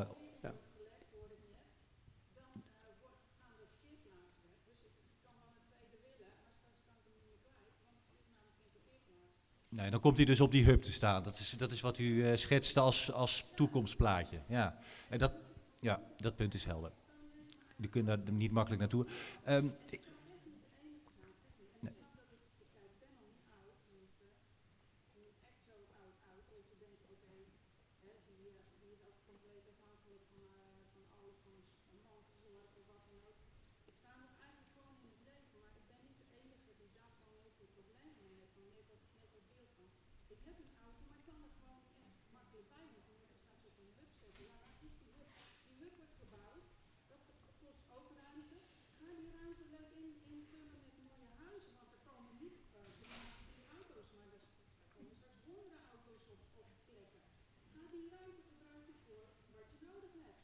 dat punt is, uh, punt is helder.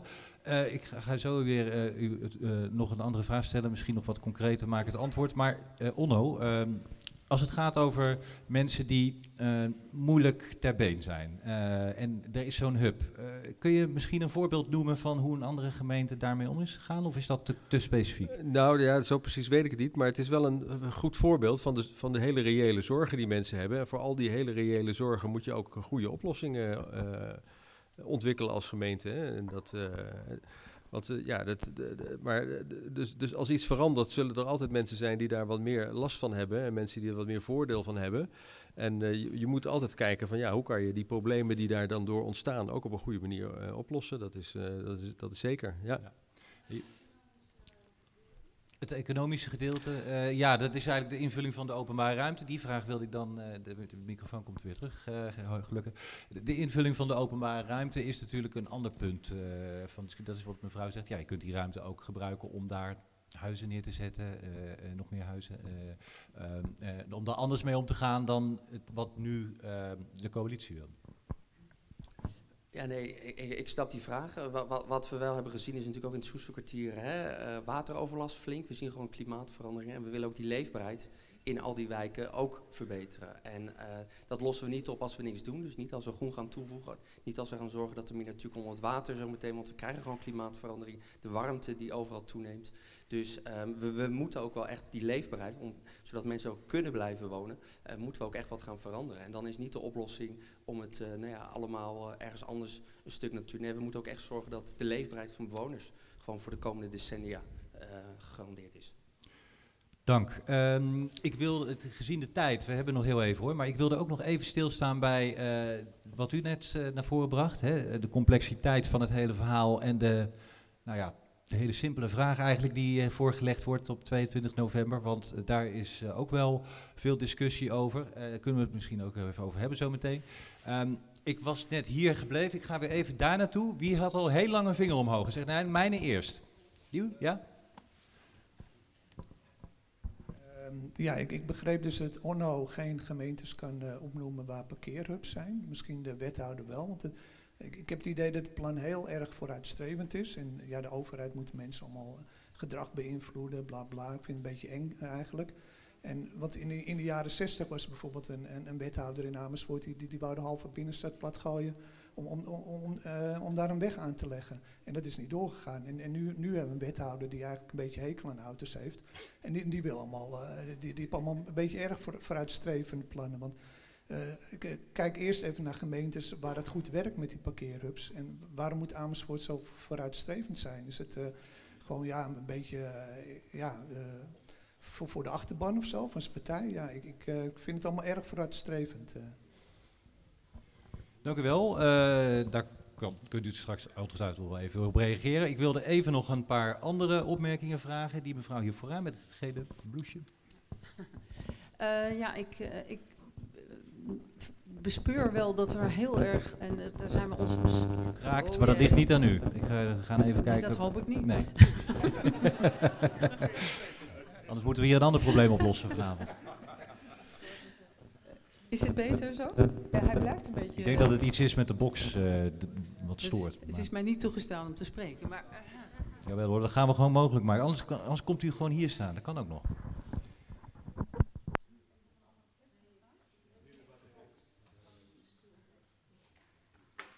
Vaak is het het geluid van, van de box wat stoort met uh, de ontvangst van de microfoon. Oh, dit is een batterij. Kan ook nog. Batterij vervangen. Nou.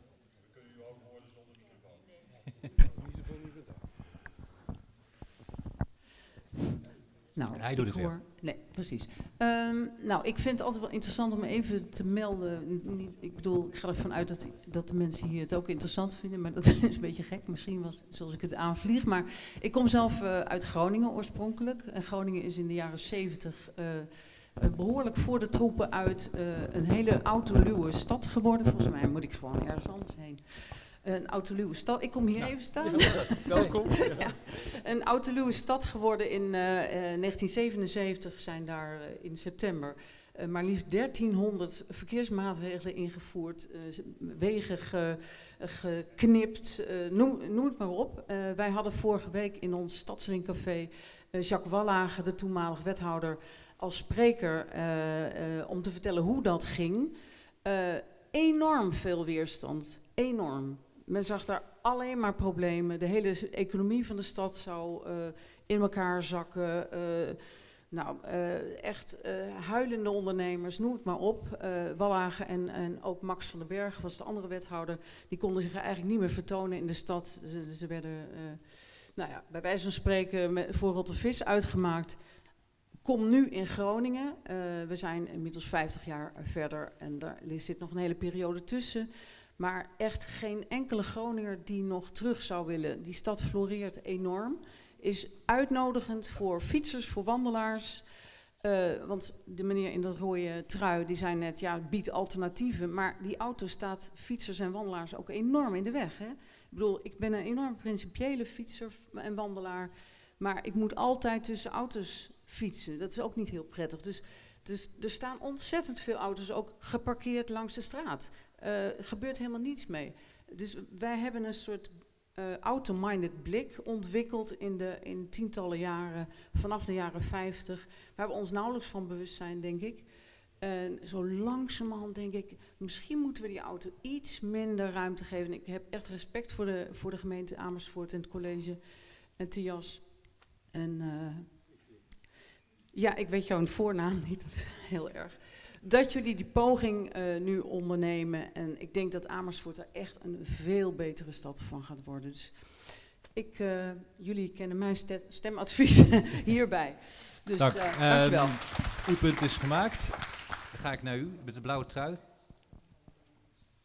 Nou, ik sluit me er helemaal bij aan. Um, een paar keer voorbij gekomen dat...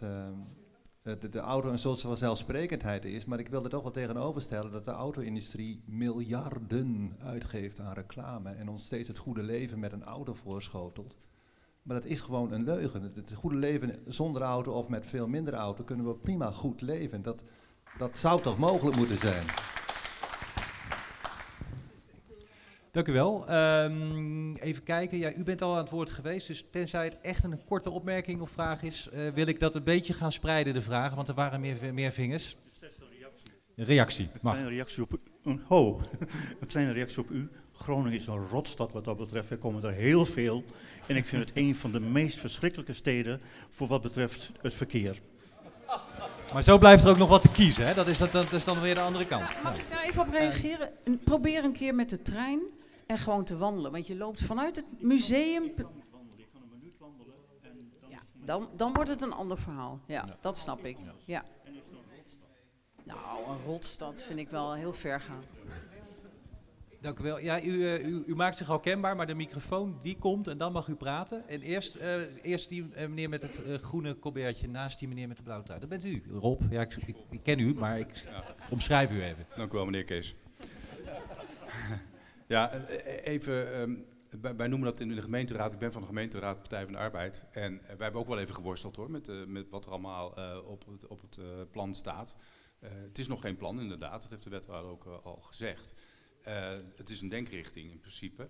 En u zegt ook, eh, Onno is het, ehm, ja, veranderingen zijn ingewikkeld. En dat, dat is ook zo. Ik heb u nog niet gehoord over participatie. Misschien wilt u daar ook nog iets over vertellen. Want dat is natuurlijk ook een keywoord als het gaat om eh, veranderingen tot stand te brengen. Wat vooral bewoners zelf moeten doen. Tenminste, dat, dat, daar hechten we veel waarde aan. Ehm, ja, wij noemen het eigenlijk met de wortel of, eh, of met de stok. Hè, als het gaat om, eh, om, om, om mensen niet te pesten, maar ook om iets te geven.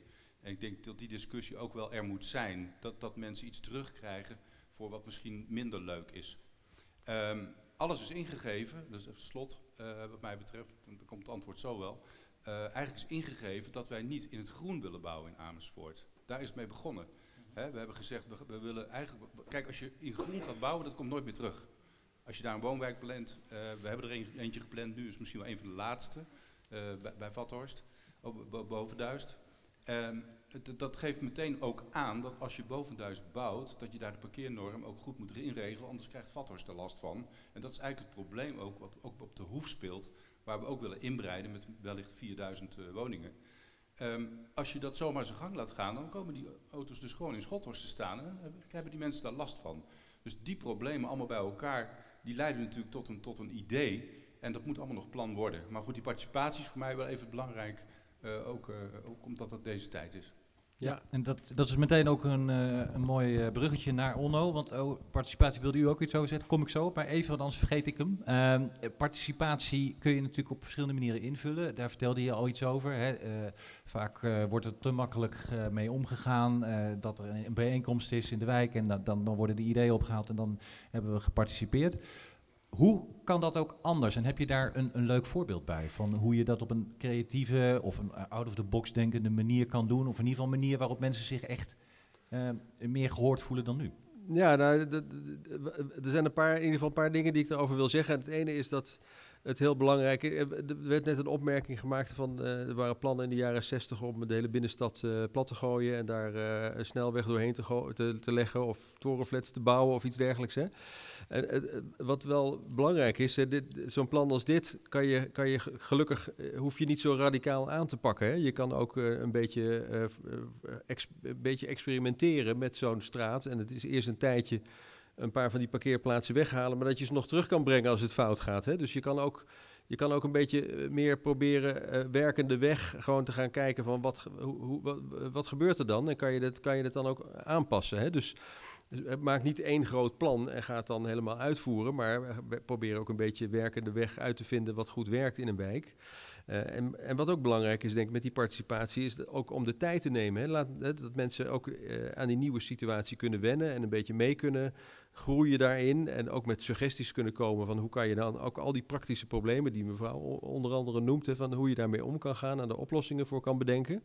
En dan, dan is de ervaring dat burgers ook heel graag eh, eh, mee willen denken en mee willen eh, helpen. En uiteindelijk zijn die bewoners zijn de, zijn de experts van hun eigen leven, hè, van hun eigen leefomgeving, van, van hoe, ja, van hun, van, van, van de, die, komen die problemen komen vanzelf naar voren. En als je daar dan eh, met ook de, de mensen die oplossingen kunnen eh, ontwikkelen, samen eh, die oplossingen gaat bedenken, dan, dan kan participatie ook heel erg goed werken. Maar ik wil dus vooral pleiten voor dat, je er dus, dat er continuïteit in zit en dat je het de tijd geeft en dat je ja, ook een langere tijd met zo'n wijk aan de slag kan gaan. Maar ook uh, hebben we een, een, een, creatief voorbeeld, dus helaas van een ander bureau, maar ik vind, uh, vind ik wel heel erg leuk. dat ja, dat moet ik ook iets, moet, moet, je ook kunnen, kunnen zeggen.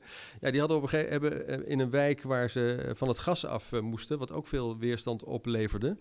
Uh, hebben ze gewoon allerlei uh, dingen in de, in de wijk gezet. Hè? Dus een oranje gespoten uh, gasfornuis en nou, een paar van dat soort dingen. Eigenlijk die een beetje vreemd waren, hè, waardoor heel veel mensen ermee geconfronteerd werden. Want je ziet ook, hè, dat filmpje wat, wat, uh, wat ook op de website stond, er werd, werd gevraagd over dat parkeerbeleid. En heel veel mensen weten er nog helemaal niks van in Amersfoort. Hè. Die, dus het is ook, uh, en, en dan, dan, dan, krijg je ook dat mensen op een gegeven moment, als zo'n die plannen al veel verder zijn, ineens erachter komen van, hé, hey, uh, de, de, de, hele, de hele straat wordt veranderd. En ja, dat vinden mensen natuurlijk niet, niet, niet zo leuk. Hè. Dus, dus, dus, dus dat soort dingen in zo'n wijk zetten, zodat je ook echt iedereen in zo'n wijk of veel meer mensen bereikt en daarover gaan praten en gaan bedenken van ja, wat zijn dan die problemen waar we dan mee geconfronteerd worden? Of wat voor oplossingen uh, kunnen we zelf bedenken voor die dingen uh, die veranderen?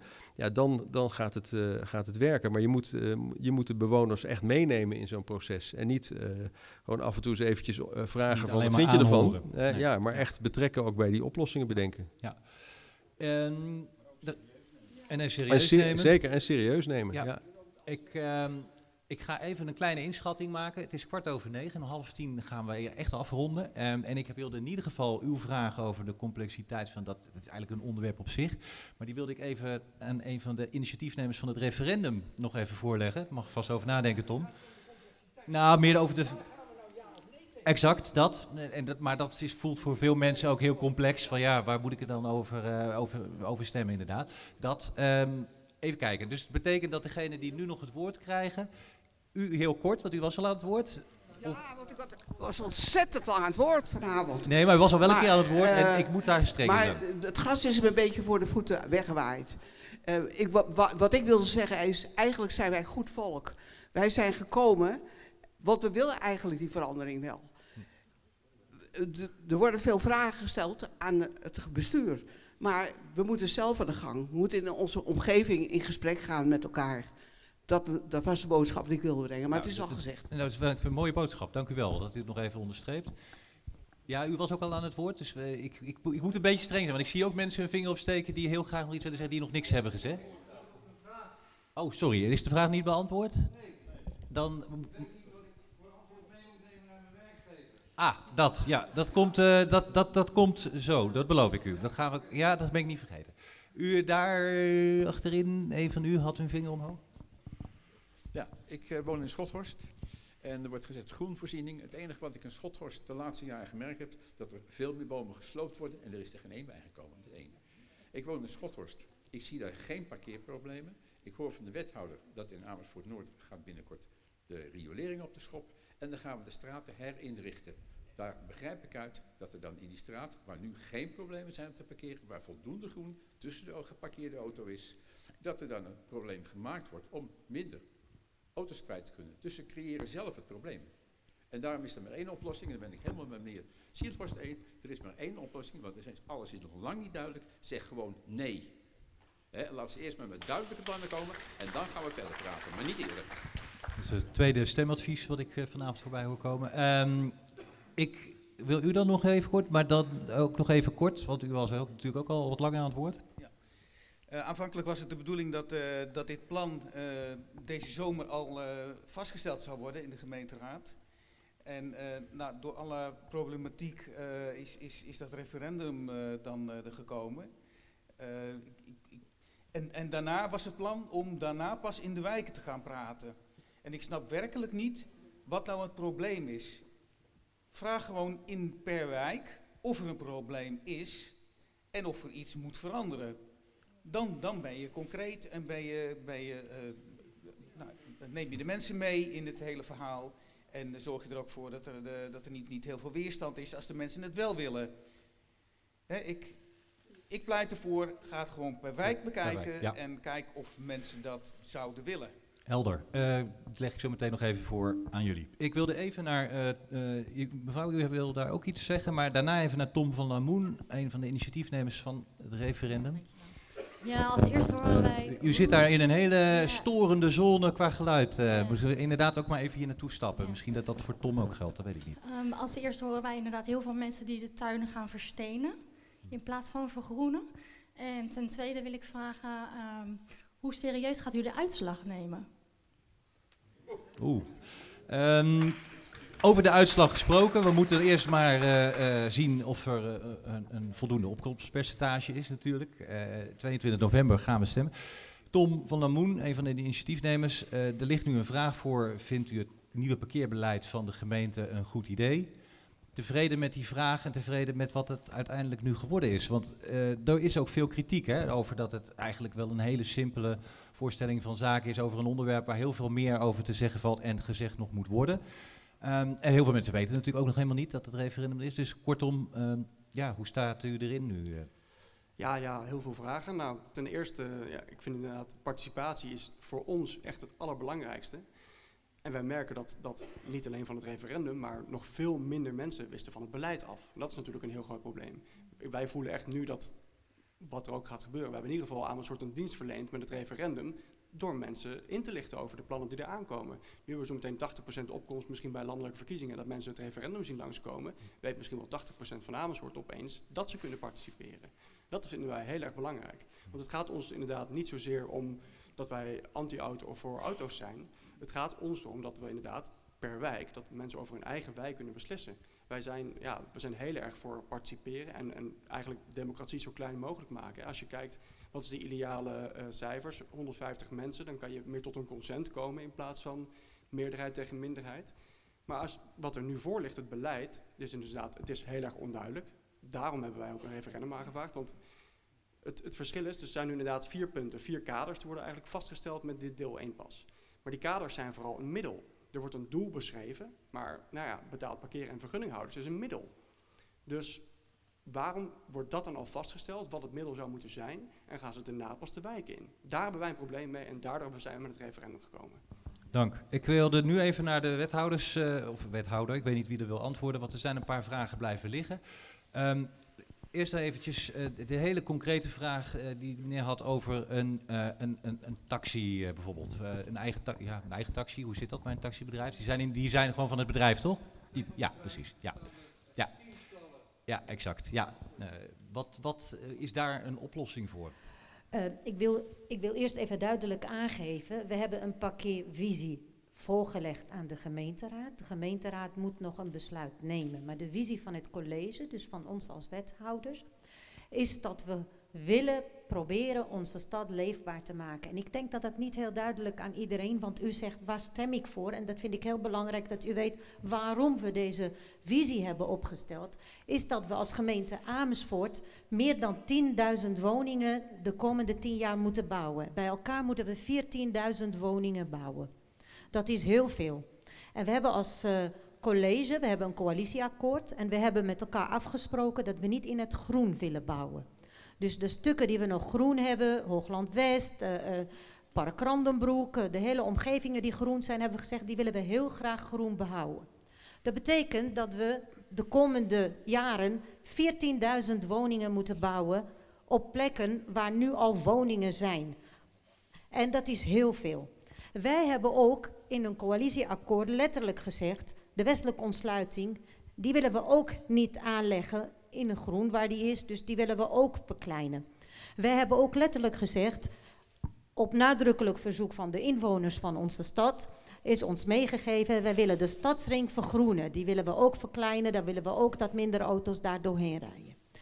Als wij als college alle deze uitgangspunten naast elkaar hebben gelegd, dat was een van de punten, de puzzels die we hadden, hebben we gezegd, als we 14.000 woningen willen bouwen, en dan moeten we dus goed gaan nadenken bij 14.000 woningen hoeveel auto's erbij in onze stad komen. En we gaan geen wegen aanleggen. En de wegen zijn al nu, als het regent, dat ziet u al, ze slibben allemaal dicht. Dus we hebben gezegd, als we dat gaan doen, naast de klimaatproblemen, naast andere uitdagingen die we hebben, hebben we gezegd, dan moeten we toch een parkeervisie, niet voor vandaag, hè, dan moet ik even heel nadrukkelijk zeggen, we gaan dat niet morgen uitvoeren. Dat kan allemaal niet. Wij gaan dat de komende jaren uitrollen. Het is een visie die wij hebben voor de komende jaren. Dus de komende 10, 20 jaar. Dus iedere keer dat we een plan in de stad hebben, proberen we een deel van de visie op eh, met de bewoners te bespreken. Want we hebben nadrukkelijk gezegd in de visie ook dat we met de inwoners van alle straten waar we wat gaan aanpassen in gesprek gaan. We gaan niet zomaar een straat veranderen. Dat gaan we niet doen. Wij gaan dus in gesprek. Maar de parkeer, het referendum is door de gemeenteraad, niet door het college, aangevraagd. Hè? Want die beslissen. De, gemeente, de gemeenteraad is het hoogste orgaan in de stad. Dan moet ik altijd even nadrukkelijk zeggen, dat zijn jullie volksvertegenwoordigers, dat zijn 13 fracties. Daar, daar kunnen jullie vier, ieder, één keer per vier jaar iedere keer op stemmen. En dan bepalen jullie welke kant onze stad met zijn allen gaat. Ja, ik, ik, ik probeer... Nee, ik... pro- En ieder, de, de, de meerderheid zegt, wij zien niets. Visie betekent je ziet iets. Dat zien we niet. Ik ga even door met de toelichting misschien, want, want dan weet u waarom we die keuzes hebben gemaakt. De, de nou, wij noemen hem wel een parkeervisie, dus ik, ik, ik moet de woorden gebruiken die ook in de documenten staan. Anders ga ik iets uitleggen wat anderen zeggen, maar dat had u moeten zeggen. Dus ik probeer het even uit te leggen. Maar we hebben nadrukkelijk gezegd, we hebben dus een uitdaging in aantal woningen. We hebben een uitdaging in de groen die we willen behouden. De bossen om ons stad heen, de groene weilanden in Hoogland en andere plekken. Dat vonden we allemaal belangrijk. Maar wij zien ook een probleem met het klimaat, zoals eh, wethouder Bijlholt net zei. Wij zien ook op dit moment dat er in sommige plekken echt het fout gaat qua warmte. Dus dat moeten we ook wat mee. Wij willen ook fietsen en wij willen ook eh, de kinderen. En wij willen ook dat mensen die afhankelijk zijn van de auto, dan kijk ik weer naar mevrouw, dat ze ook de auto kunnen blijven gebruiken. Dat kan niet waar zijn dat we gaan zeggen geen enkel auto meer in Amersfoort. Dat kan niet. Dus wij zitten met het dilemma, en dat hebben we in onze parkeervisie letterlijk zo geschreven. Voor diegene die echt afhankelijk is van zijn auto, dan gaan we natuurlijk maatwerk leveren. Dat hebben we ook nadrukkelijk ook zo aangegeven. U mag wel langzaam gaan afronden. Want Ja, dan probeer ik bent- even- bent u- even de- bent de punten die keer zo zijn lang aan het woord als alle andere sprekers. Nou, ik probeer de de vragen die zijn gesteld te beantwoorden. Ja. Dus voor meneer van eh, de taxibouten, nou, dan moeten we gaan nadenken. Is het een ondernemer met zijn auto of niet? Dat staat allemaal in die visie. Dus dat gaat in fase 2 pas gekeken worden van wat betekent het? Is het een auto waar meneer is afhankelijk van? Kan meneer lopen een paar honderd meter naar een hub? Of is er plek in de straat? Dus dat is allemaal nog om uit te werken per wijk. Dus wat u nu ja of nee op zegt is, hoe wilt u uw stad straks hebben? En het is aan u, en wij gaan niemand beïnvloeden, het is aan u om te zeggen, hoe, welke kant wilt u gaan? En ik ben met u eens, het is nog niet uitgewerkt, want het is nog een visie. Het is een, eh, ja, een, vi- een visie is altijd een, eh, een abstract woord natuurlijk. Dat is, eh, dat is waar. Ja, precies. Goed. Dat punt, is, punt is helder. Nou, ik wilde eigenlijk even nog een, iemand die. Want we zitten vijf minuten voor sluiting van deze bijeenkomst. En ik wil niemand tekort doen, maar ik wil in ieder geval nog even één iemand in ieder geval het woord geven die nog helemaal niets gezegd. U, u heeft nog niets bijgedragen, dacht ik, maar ik kan ernaast zitten. Over het eh, dichtslippen van de wegen in de stad. Hoeveel forensen gebruiken van de Amsterdamse weg, Staatsring Hogeweg? Kijk eens naar Bos, hoe die dat aanpakken. Die hebben buiten de stad een plek bij het voetbalstadion. Dan zet je je auto neer voor een paar euro en je wordt met de bus gebracht naar de plek die die route rijdt. Dus dat kan op de Hof zijn, dat kan in het Soesterkwartier zijn, kan bij het station zijn. Kijk daar eens naar. Er zijn meerdere plekken, het kost 5 euro 10 en je kunt ook nog een fiets eh, Ja. Nou, Ja. dat klinkt, eh, klinkt heel goed. Ik hoop dat het hier genoteerd wordt eh, en dat het als een van de oplossingen ook wordt, eh, wordt ingezet. Ehm, ja, dan wil iemand nog heel graag iets zeggen. U wil echt iets zeggen u- op die meneer. En wie is die meneer? Ja. U wacht nou even tot de microfoon. Ik weet niet of iedereen u kan horen. Maar eh, zorg in ieder geval dan voor meer eh, overdekte parkeergarages of onoverdekte parkeerterreinen. Zodat mensen gewoon draagvlak hebben van ik kan daar mijn auto neerzetten en dan kan ik lopen het gewoon verder de stad in of mijn dingen doen. Maar zorg wel dat... Voor Dat er faciliteiten zijn. Er zijn Ja. er veel te Punt- weinig. Punt, punt helder. Daar Dat, kun je eh, dat- nergens heen. Dat, dat, dat, dat zei u net, inderdaad ook. En u, ehm, ja, met uw capuchon. Ja, eh, ik heb een eh, rotsvast vertrouwen in de democratie. Eh, en de democratie is natuurlijk, bestaat uit heel veel dingen. En daar, zo'n avond als dit is er ook een essentieel onderdeel van. Gespreksavonden, ik hoor termen als participatie, allemaal prachtig mooi.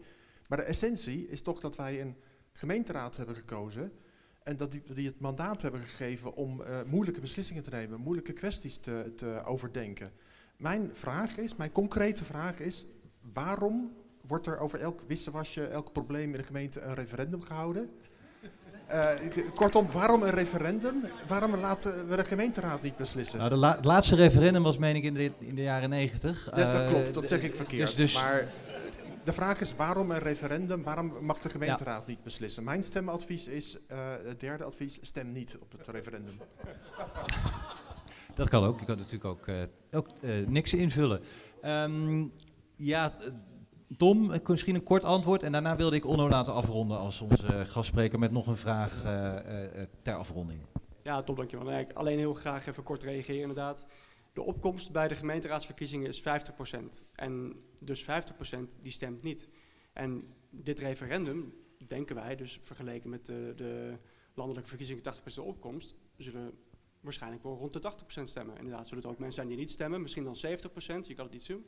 Maar wij denken dat het een veel groter mandaat zal hebben dan de gemeenteraadsverkiezingen. Als je kijkt naar 50% opkomst bij de gemeenteraadsverkiezingen, daarvan heb je een coalitie die, ehm, ja, dat is dan weer de helft daarvan, plus een beetje natuurlijk. Dus hoe, hoe groot zou je dat mandaat moeten rekenen? Dat, dat is natuurlijk heel erg grijs gebied. Het mandaat, eh, u maakt er bezwaar tegen? Of, of u wil eh, per se iets reageren hierop, toch? Geloof. Dat, Ja, ik heb al een tijdje mijn hand ook omhoog. Ehm, eh, ook gemeenteraadslid eh, voor D66, gro- groot voorstander van dit plan. En dat heeft er vooral mee te maken, wat ook net eh, wethouder Paff al aangaf, wat voor stad wil je zijn? We zien de groei van woningen, we zien de groei van, eh, van mensen en daarmee ook van auto's. En we moeten gewoon keuzes maken hoe we omgaan met de ruimte. En als ik heel simpel naar buiten kijk, dan zie ik heel veel auto's staan die heel veel ruimte innemen. En daarom moeten we op die ruimte sturen. En daarvoor heb je vergunningen nodig. Zo simpel is het wat mij betreft. En daarom staat er nu een visie. En dan komt er inderdaad, want hè, daar zijn wij voor aangenomen als volksvertegenwoordigers. Die visie zet ik graag neer voor de komende jaren. En dan gaan we met alle wijken in gesprek en alle mensen en alle mitsen en maren met mantelzorg. eh, en ook de, de zorg van mevrouw uit Nieuwland. En dan gaan we kijken hoe dat, hoe, dat, hoe dat uitwerkt. En dan gaan we samen met de wijken goede plannen maken voor de toekomst.